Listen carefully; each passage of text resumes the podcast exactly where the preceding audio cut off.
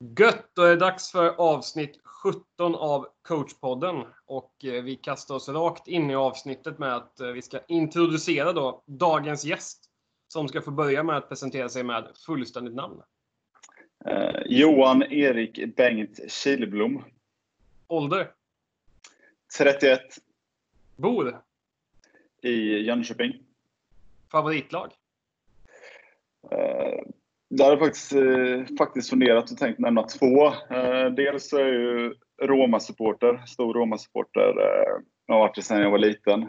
Så det är ju ett av de favoritlagen. Sen om man ska ta något innebandykopplat så får jag väl säga Mullsjö AIS P93, P94 som jag följde från pojklag till eh, JAS-lag. Det var ett eh, häftigt gäng med rätt många profiler så då känner jag att de, de är värda ett omnämnande.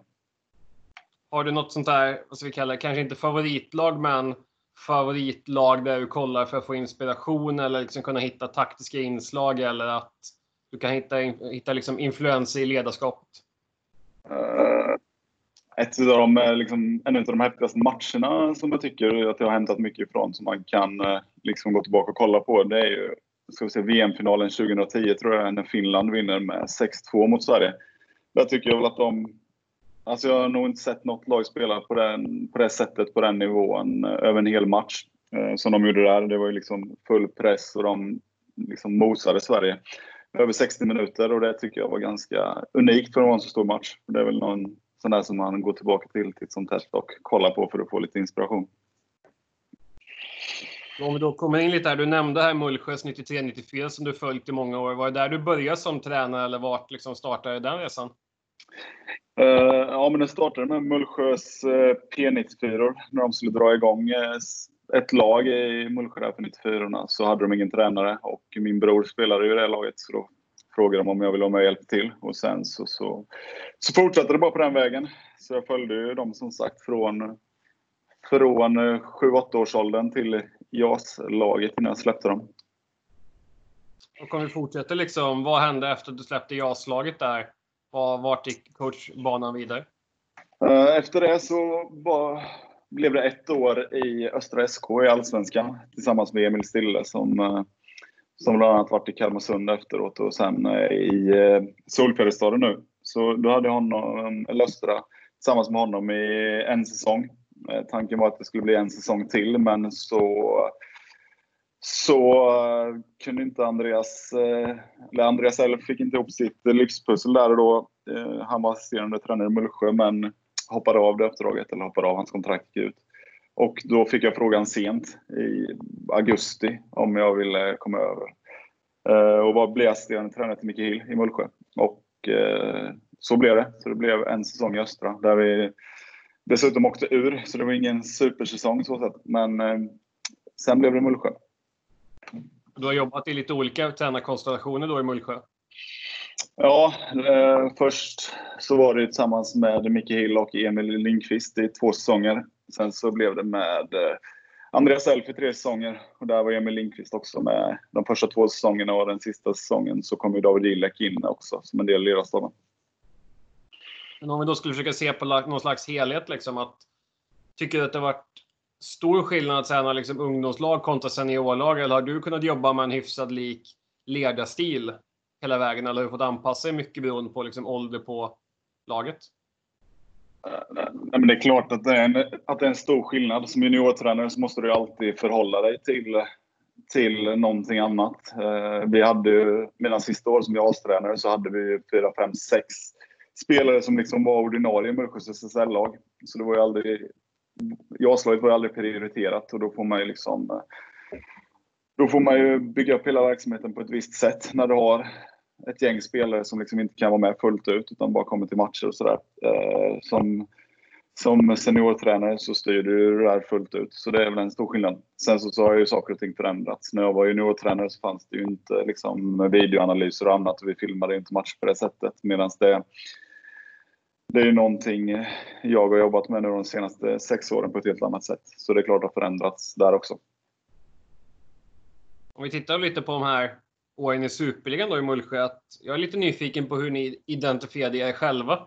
Jag hade ju en uppfattning att ni var ett lag som var jäkligt jobbiga att möta och liksom hög intensitet och liksom kunde egentligen spöa vilket lag som helst. Och mm. kanske också få stryk av vilket lag som helst.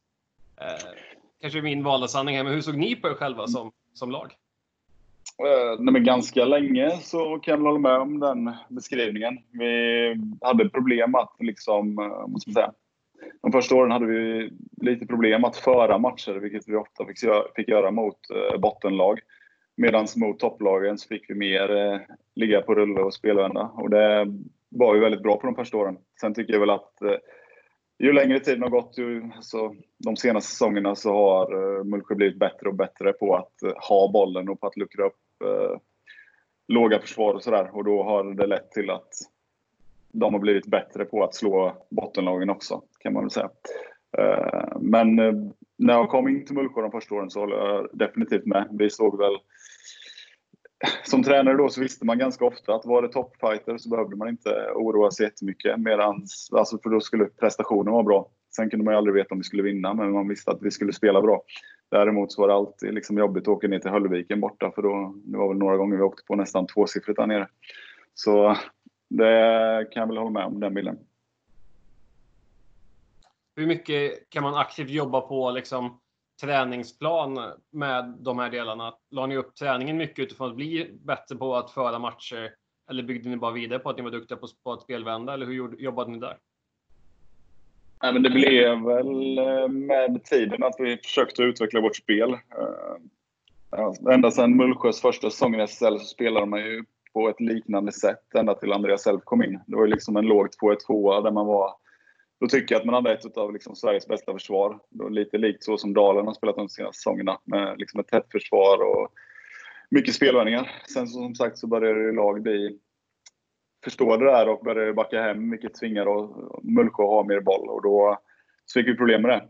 Sen Andreas Elf kom in så började vi äh, göra en liten ny, försöka ta en ny inriktning där vi skulle spela mer proaktivt och försöka ta tag i matchbilderna mer och kunna äga lite mer boll och kunna gå lite högre i försvaret och sådär. Och eh, det var väl en analys att vi tyckte vi var för endimensionella och att vi behövde lära oss andra delar. Eh, så det började väl så. Sen så är det en process som tog ett par år. Eh, så det var inte så att vi vi såg nog inte så att vi kunde fixa det på träningsplanen mellan matcher eller under en kortare tid, utan vi såg det väl över några säsonger att vi skulle försöka utveckla någonting och bli bättre på det på sikt. Tittar man på det också liksom i ett rekryteringsplan, att man letar efter spelare med särskilda egenskaper som lämpar sig för att tillföra någonting annat eller en annan typ av spel, eller hur, hur tänker man där? Ja, men när vi när Andreas kom in så hittade vi en inriktning där vi ville spela liksom ett högintensivt spel och där vi ville kunna sätta, vad ska man säga, ta kommando till matcherna och eh, sätta vår prägel på det. Och eh, den innebandyn som vi ville spela kräver en ganska hög fysisk förmåga och att man liksom klarar av att spela i hög intensitet.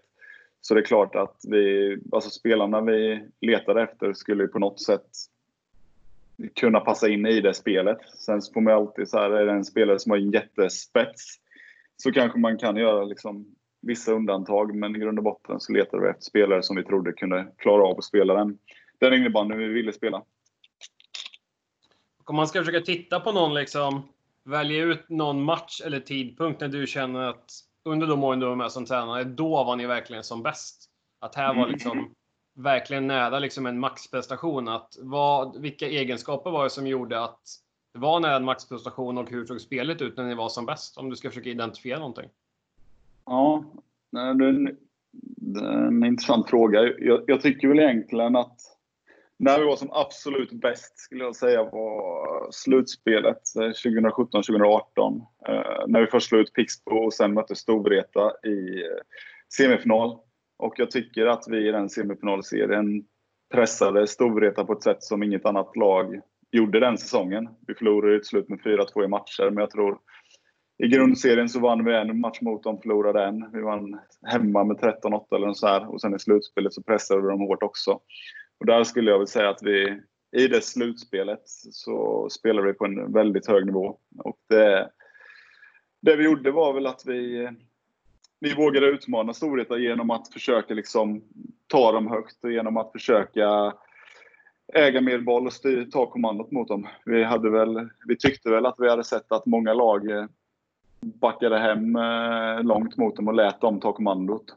Och när vi mötte dem i slutet på grundserien så hade de väl gått tre månader utan att förlora eller något sånt där. Och då tänkte vi att vi skulle testa att chocka dem och gå högt istället.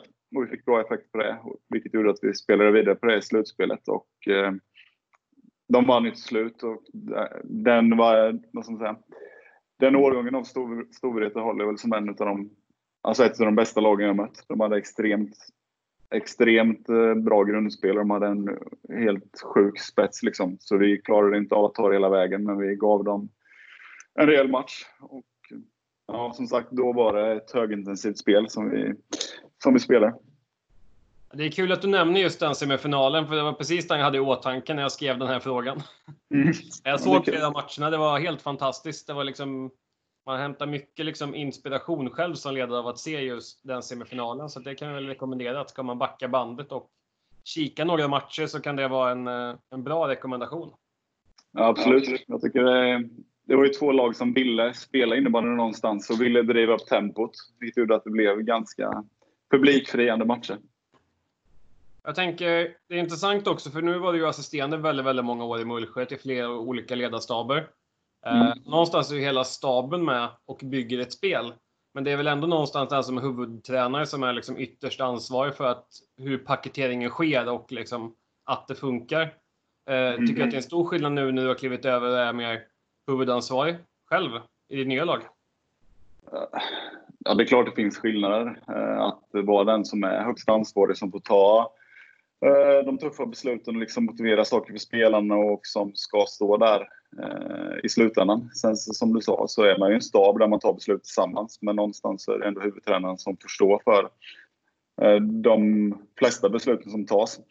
Sen så, så hade jag turen att få arbeta först med Micke Hill men sen kanske framförallt med Andreas Elf där jag fick väldigt mycket ansvar i vi delade upp det så att Andreas hade offensiven och jag hade defensiven. Och så liksom höll vi det rent så, så jag fick sköta defensiven fritt. Och eh, det underlättade ju rent taktiskt sådär genomgångsmässigt att det, det blev ingen större skillnad. Skillnaden är som sagt snarare i, i att man får stå där när man liksom går ner på folk, vilka man ska välja, att man får stå för de, alla beslut som tas och kanske mest administrativt att man får vara den som sköter stora delar av planeringen över en säsong och försöker hitta upplägget där. Eh, så det är väl de skillnaderna som finns. Sen så finns det den rollen jag fick under eh, Hill och Elf så finns det också alltså, en hel del likheter så det inte har varit jättetufft att göra den, eh, den eh, resan upp till huvudtränare nu. Och någonstans nu när du är huvudtränare har du liksom kommit fram till att hur vill du spela innebandy? Vad är din filosofi som du försöker liksom implementera i laget? Min filosofi är väl att eh, jag vill spela en eh, högintensiv innebandy. Det ska liksom hända grejer när vi spelar. Det ska vara roligt att kolla på, det ska vara roligt att spela, det ska vara utvecklande. Eh, jag, alltså, alla, får ju liksom, alla spelar efter sitt material, alla får ju förorda det sätt de vill. Det finns ju inget rätt eller fel sätt, men jag gillar inte liksom, vad man säga, lag som står och bollar av tid och spelar back-back mycket, lag som inte vill framåt. Jag, jag är inget jättefan av liksom en innebandy där man är reaktiv och backar hem och väntar in misstag och sådär. Sen så har jag full respekt för att många lag spelar så. Om man anser att det är det bästa sättet att nå resultat så får man absolut göra det. Men eh, om man skulle säga hur jag vill spela innebandy så är det lite tvärt det. Jag vill liksom ta bollen mot mål, jag vill spela med hög intensitet, jag vill att skapa situationer och jag vill ha ett proaktivt försvarsspel där man tvingar fram misstag snarare än att vänta in dem. Ja, men det är spännande att liksom se. Eh, vi kan nämna också att du numera tränar Fagerhult om det är någon som inte har koll men lyssnar på podden. Eh, mm. och det är ju ganska spännande för när, ni, när vi gick in i säsongen så var det liksom spel i Allsvenskan Södra och liksom, du var ny som tränare. Vad var liksom ingången till säsongen? Hade ni någon målsättning om att nå kval eller vara på över halvan eller hur, hur liksom öppnade det hela? Uh, alltså grejen är jag är inget jättefan av uh, av den typen, alltså av målsättningar på det sättet. För det, det bygger ju så mycket på vad alla andra gör. Det finns massa saker där som du inte kan påverka. Du kan påverka dina egna matcher, men du kan inte påverka vilka de andra lagen värvar, hur de spelar mot andra lag och sådär. Så det, min målsättning var väl att utveckla liksom ett spel och utveckla spelarna och att vi skulle någonstans hitta en trygghet i det och bli bättre under säsongen. Sen så, så fick spelarna själva sitta ner och liksom säga vad de ville med säsongen. Och de ville ju spela ett kval. Så det, det fanns ju i tankarna från spelarnas håll att vi, vi ville nå till ett kval. Sen eh, för oss i ledarstaben som sagt så riktade vi in, mest in oss på att vi ville se en utveckling i vårt spel över en säsong. Att vi blev bättre och bättre och att vi... Det fanns väl ett par lag som vi ansåg från början att vi liksom låg bakom. Och för att ta en kvalplats så såg vi att då behöver vi utveckla vissa delar för att komma ikapp de lagen. Och eh, det var väl vår målsättning. Och det lyckades vi väl med ganska bra. Äh, när, när liksom kände ni liksom, eh, nu om inte jag är helt fel ute här, då vann väl ni grundserien? Mm. I södra. Precis. Och liksom, det var, var väl en liten lucka ner till tvåan? Ja, det var väl fyra poäng ner till slut. Mm. Det avslutades med en omgång kvar, men det var fyra poäng ner inför sista omgången. Och när kände ni liksom att vi har liksom den här säsongen i oss? Liksom? Kändes det tidigt att liksom vi är riktigt bra och vi kommer liksom vara ett topplag hela säsongen? Eller liksom starta i trevande? Eller liksom hur, hur var känslan när ni kommit in i säsongen? Nej, men det, var, det var bra. Vi lyckades vinna premiären. Sen så förlorade vi andra matchen mot Karlstad. Men där tycker jag att vi gjorde en bra match. Och sen efter det så hade vi väl tio raka segrar. Eller nio raka segrar innan vi kryssade mot Lindås och sen förlorade mot Karlstad igen. Men under den perioden så, så började man väl känna att vi var tillräckligt bra för att liksom lösa en kvalplats utan utan några jätteproblem om vi inte skulle falla ihop. Ehm, och den matchen mot Karlstad, det var ju efter jul. Så runt där så kände man väl att eh, vi skulle liksom vara ett kvallag om vi inte, om vi inte började, ja, om vi inte började, eh, säga, gå ner oss allt för mycket. Så det, där började man hitta en trygghet i att det målet skulle gå i uppfyllelse. Jag tänker det är ganska intressant nu för både i allsvenskan, då vill man ju spela för ett kval. Och i Superligan så förhoppningsvis kommer ju ett slutspel på säsongen. Att påverkar det mycket i träningsplaneringen att man har en tanke om att vi vill försöka formtoppa till slutet av säsongen eller att vill man vara lika bra hela året eller ha en liknande belastning eller hur, hur tänker ni där? Jag tror att det, är, det beror nog på vilken del av, vilken del av eh, serien man förväntar sig att vara i. De första åren med eh, Mullsjö, då var vi ett lag som skulle gå till slutspel, men det var ju liksom inget vi var inget etablerat topp 4-lag, så man visste ju aldrig exakt vart vi kunde se riktigt in oss på att hamna. Och då var det ju betydligt viktigare att liksom få resultat direkt i början och att vara formtoppare, att försöka hitta en jämnhet. Medan de senare säsongerna i Mullsjö och även nu i Fagerhult så, så eh, gjorde vi så att vi, liksom, vi gick in i säsongen med vetskapen om att vi är inte liksom vi har ett ganska komplext spel. Det finns många delar vi behöver få in och vi kommer inte vara helt färdiga med det i augusti. Utan det handlar om en process där vi ska få ihop alla delar till mars. Vilket eh, har gjort att vi liksom så här, under de åren jag har varit i Mullsjö under året Fagelt nu så riktar vi oss inte in så jättemycket på den enskilda matchen eh, förrän i slutet på säsongen. Utan vi följer en planering där vi liksom tränar igenom varje bit över en hel säsong för att sätta saker tills tills när det gäller. Och sen de sista månaderna så smalnar man väl av och jobbar på det som, liksom som, som fallerar eller det som eh, är lite, har varit lite svagare. Men vi har ju varit i en position under de åren där vi har tänkt att vi antagligen kommer gå till slutspel och i år var ju förhoppningen att vi skulle lösa ett kvalspel. Och då har vi valt att liksom inte Alltså vi försöker inte att eh, vara dåliga i början på en serie, men vi har väl valt att vi förstår att vi kanske inte kommer vara formtoppare till en början, utan att eh, det är en progression där vi ska vara som bäst i slutet på säsongen och då får det liksom vara att under hösten kan komma lite käftsmällar ibland. Och ni, Fagerhult har ju liksom i många, många år. Det finns ju alltid liksom en liten magi kring de här sista parkettlagen. För det är ju parkettgolv i hemmahallen om inte jag är helt fel ute va? Precis. Ja, jag, min, jag minns rätt där. Det var ju även AIK var ju länge med Solnahallen. Ett välkänt parkettlag. Hur liksom har det funkat att spela på parkett? Bygger man något annorlunda typ av spel på det eller liksom beter sig bollen annorlunda jämfört med ett plastgolv? Ja, det går ju mycket snabbare, det blir mycket mer slumpartat. Eh, och eh, som du säger, Fagerhult har alltid varit extremt hemmastarka och i år har vi dragit fördel av det genom att vara kanske ännu mer aggressiva på hemmaplan än på bortaplan.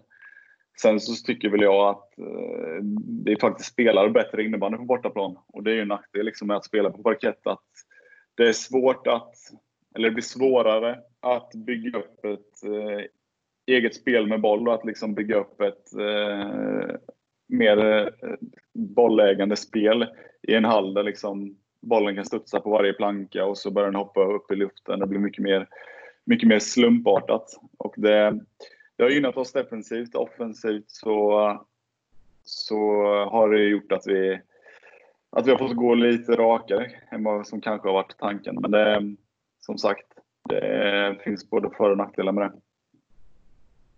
Och i och med att ni vann grundserien och att kvalspelet ställdes in så kom, fick ju ni då fullt, eh, fullt rättmätigt en plats i Superligan kommande säsong. Mm. Eh, påverkar, finns det något regelverk som påverkar just det här med, kring parkettgolv och sådana saker? Eller hur kommer ni kunna spela där nästa år också? Eh, som jag har förstått det så dels är hallen väldigt liten. Jag vet inte om det finns några aktuella publikkrav, men framförallt så som jag har förstått det så är det liksom uteslutet att få spela på parkett. Så Antagligen så kommer vi att spela i Nyhemshallen, men det är inget som är klart. Men eh, vi ser inte ut att få spela några matcher ute i Habo i alla fall. Så vi, vi får leta alternativa hemvister, om man säger så. Och hur liksom nykomlingar i Superligan, hur förbereder ni er på att spela i Superligan kommande år? Kommer, kommer det bli stor skillnad i ert spel eller jobbar ni bara vidare liksom enligt det ni jobbat med i år? Jag tror så här, jag, jag läste någon bra intervju för något tag sedan med Stefan Billborn i Hammarbys tränare, eh, Hammarby Fotboll, som jag tycker eh, verkar vara väldigt vettig. Och då pratar de om, eh, om liksom Hammarby som har ett ganska komplext spel som är ganska svårt att utföra. Hur han såg att de skulle spela liksom om de gick ut i Europa. Och då såg jag att han pratade om att så här, ja, men vi kan ju inte överge vår identitet för en enstaka match utan vi får ju försöka bli så bra på det vi gör som möjligt. Och jag tänker väl lite så här att eh, vi gick ju upp av en anledning och av att vi spelade på ett visst sätt. Så det vore dumt att liksom överge det när vi går upp. Sen så kommer det att... Det sättet som vi spelar på är ganska riskfyllt och det är svårt att utföra. Det kommer antagligen att komma en del käftsmällar för att vi spelar så, men jag tror att att vi behöver liksom vara trogna vår identitet. Eh, om man säger det klassiska som en nykomling är att man går upp och parkerar bussen och ligger på spelvändningar. Och eh, vi hade matcher då där vi testade i Allsvenskan, men då skulle jag säga att hade vi gjort det hela säsongen så hade vi inte ens gått till kval. För vi var relativt urusla på det. Och det är någonting som vi får träna på, men jag tror det vore naivt att gå upp och försöka spela ett spel som vi inte ens behärskar i Allsvenskan. Liksom. Så vi får ju, jag tror vi får eh, försöka utveckla det vi har gjort nu under det här året. Försöka spela ett spelet i SL med. Sen får vi se hur det går, men jag när förhoppningar om att vi ska utvecklas och liksom lära oss att hantera de utmaningar som kommer med att spela så i SSL också. Det blir ju onekligen spännande nästa år med tanke på att vi har ju tre superligalag på väldigt liten geografisk eh, yta i form av Jönköping, Fagerhult och eh, Mullsjö. Är det något av de lagen du tänker att det här blir roligaste matchen nästa år eller har du något annat lag som du känner att just de här ska bli ruskigt kul att möta? Nej, men det är klart, derbyna blir det absolut roligaste. Eh, sen så, så gick blir kul av eh, liksom för anledningen att det finns en eh, stor rivalitet. Dels för liksom alla oss som har växt upp i Mullsjö eller Fagerhult så, så har GIK blivit den stora rivalen sportsligt. Och eh, ska man vara helt ärlig så är det väl mer sannolikt att vi slåss med dem i tabellen än att vi slåss med Mullsjö. Så både sportsligt och rivalitetsmässigt så blir det otroligt kul. Sen är det klart att för mig som kommer från Mullsjö så blir det speciellt att få möta, möta min eh, moderklubb också. Så personligen så blir den matchen speciell. Men eh, är det någon match jag ser fram emot lite extra så är det nog nästan, nästan GIK för att försöka få trycka till dem. Ser du en stor fördel liksom i att du har varit så många år i Superligan och kanske har hyfsad koll på lagen och så liksom? Är mycket information du kan överföra eller liksom spelar det mindre roll? Jag tror det kan finnas en fördel. För det är, eh, har man aldrig varit i Superligan så tror jag det är svårt att förstå den eh, skillnaden som faktiskt finns, finsk, finns Eh, vad gäller eh, cyniskhet, tempo, liksom eh, hur saker och ting fungerar där. Det går liksom inte att jämföra med, med hur det är på allsvensk nivå eller på division 1-nivå. Eh, jag upplever att i allsvenskan så finns det rätt många lag som är rätt spelardrivna. Där det liksom är de starka spelarna som liksom inte avgör hur laget spelar, men det har blivit så att laget spelar efter deras styrkor. Medan CSSL så är det alltså en större taktisk variation. De är mer taktiskt drivna lagen och det blir lite klurigare att eh, möta dem av den anledningen. Det blir mer cyniskt och det blir mer, det blir mer eh, schackspel där uppe. Ja, men spännande. Det ska ju bli sjukt kul att följa nästa säsong när den kan dra igång. Och vi har ju två sekvenser kvar som vi ska bränna av här. Det är dels de fem snabba frågorna som du kommer få mm. svara spontant och impulsivt på. Eh, och sen ska vi få plocka, upp, plocka ut din drömuppställning. Men vi börjar med de fem snabba. Är du beredd? Yes. yes. PP? Yes. Uh, boxplay. Anfall eller försvar? Anfall. Det var en liten skräll ändå. Mm. Frislag eller inslag från hörn? Frislag. Plastgolv eller parkettgolv? Uh, ja, tyvärr på alla Fagerhult så får jag säga plastgolv. Mullsjö eller Fagerhult? Fagerhult. Jag kände att den sista var lite elak där, men den uh, kanske såg den komma. Jag, jag räknade med att den kunde komma. Men på lite frågan här anfall och försvar. Jag ska bara backa bandet lite. Du pratar ju om att du har haft liksom, huvudansvar liksom, eller lite mer fokus på försvarsspelet om jag tolkar rätt här. Mm. Hur ser det ut i din roll idag? Liksom, har du någon liknande uppdelning? Har du en assisterande som sköter mycket av offensiven eller har du en, st en större helhetsansvar? Uh, idag så har jag ett uh, helhetsansvar för både offensiven och defensiven. Och uh, så har jag Fredrik Frendin som assisterande som eh, fyller i liksom, och hjälper mig och hjälper spelarna att gå in mer på det individuella planet. Eh, och det var väl därför jag sa anfall. Jag har ju haft jag har ju liksom skött defensiven i Mullsjö i fem år, så jag har knappt tänkt offensivt på ett halvt, ett halvt decennium. Så nu i år när man fått börja tänka offensivt igen så har man fått en liten nytändning för att eh, ja, man har fått utmana sig själv. Har man, gjort, har man liksom tänkt på hur man förstör motståndarlags spel i, i så många år så är det, bara, är det rätt kul nu att liksom få tänka hur man kan eh, vara konstruktiv också. Ja, men det är spännande och eh, vi ska ju då kliva vidare till eh, drömuppställningen. Du får plocka ut då målvakt, fem utespelare. Du får själv välja om du vill ha någon särskild taktisk uppställning, om det ska vara en 1-2-2 eller 2-1-2 eller vad det nu kan vara samt om du vill bygga ihop någon ledarstab till. Och så. Mm. Eh, jag kan ju börja med ledarstaben. Då när det började närma sig Fagerhult så var ju de två jag ville ha med mig dit. Fredrik Frendin och Emil Lindqvist. Fredrik har ju varit tillsammans med Mullsjös juniorlag och sådär och vi känner varandra sedan många år. Så det kändes naturligt att ta med honom som assisterande tränare. Och Emil Lindqvist har ju varit, han har varit assisterande tränare i Mullsjö typ 10 år och han ville också ha med mig till Fagerhult och båda de två följer med. Så de hade givetvis velat ha med, ha med mig. Och sen så hade jag kompletterat det med Andreas Elf som jag tycker är i mina ögon så är han eh, Sveriges bästa tränare. Jag tycker han eh, liksom är nästintill komplett i sitt ledarskap och en fantastisk person. Så han hade jag också haft med. Så hade jag haft en liten flytande roll där i den ledarstaben.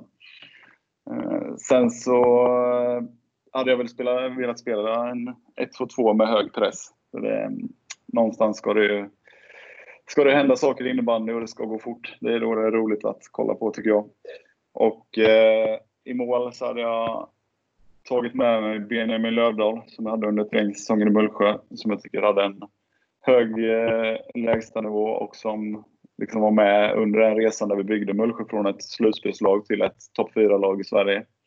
Eh, som vänsterback, det är väl ingen, kommer väl inte som någon överraskning för någon, men så blir det Kasper Hedlund som eh, ja, han behöver ingen närmare prestation. En fantastisk spelare. Som högerback, eh, eller högerback, nu blir det, som libero kan man säga, så hade jag tagit Henrik Olofsson. Som, han är en fantastisk person, han är en fantastisk ledare. Han hade ju aldrig binden egentligen i Mullsjö under, alltså någon gång på heltid, men han var den närmaste lagkapten man kan komma utan att vara det. Han, eh, dels var han en fantastisk spelare som alltid offrade allt liksom, för att vinna och som hade helt rätt attityd. Sen så, så, eh, som sagt var han en fantastisk ledare som ställde höga krav på alla, inklusive sig själv, och var helt prestigelös i, i kraven han ställde.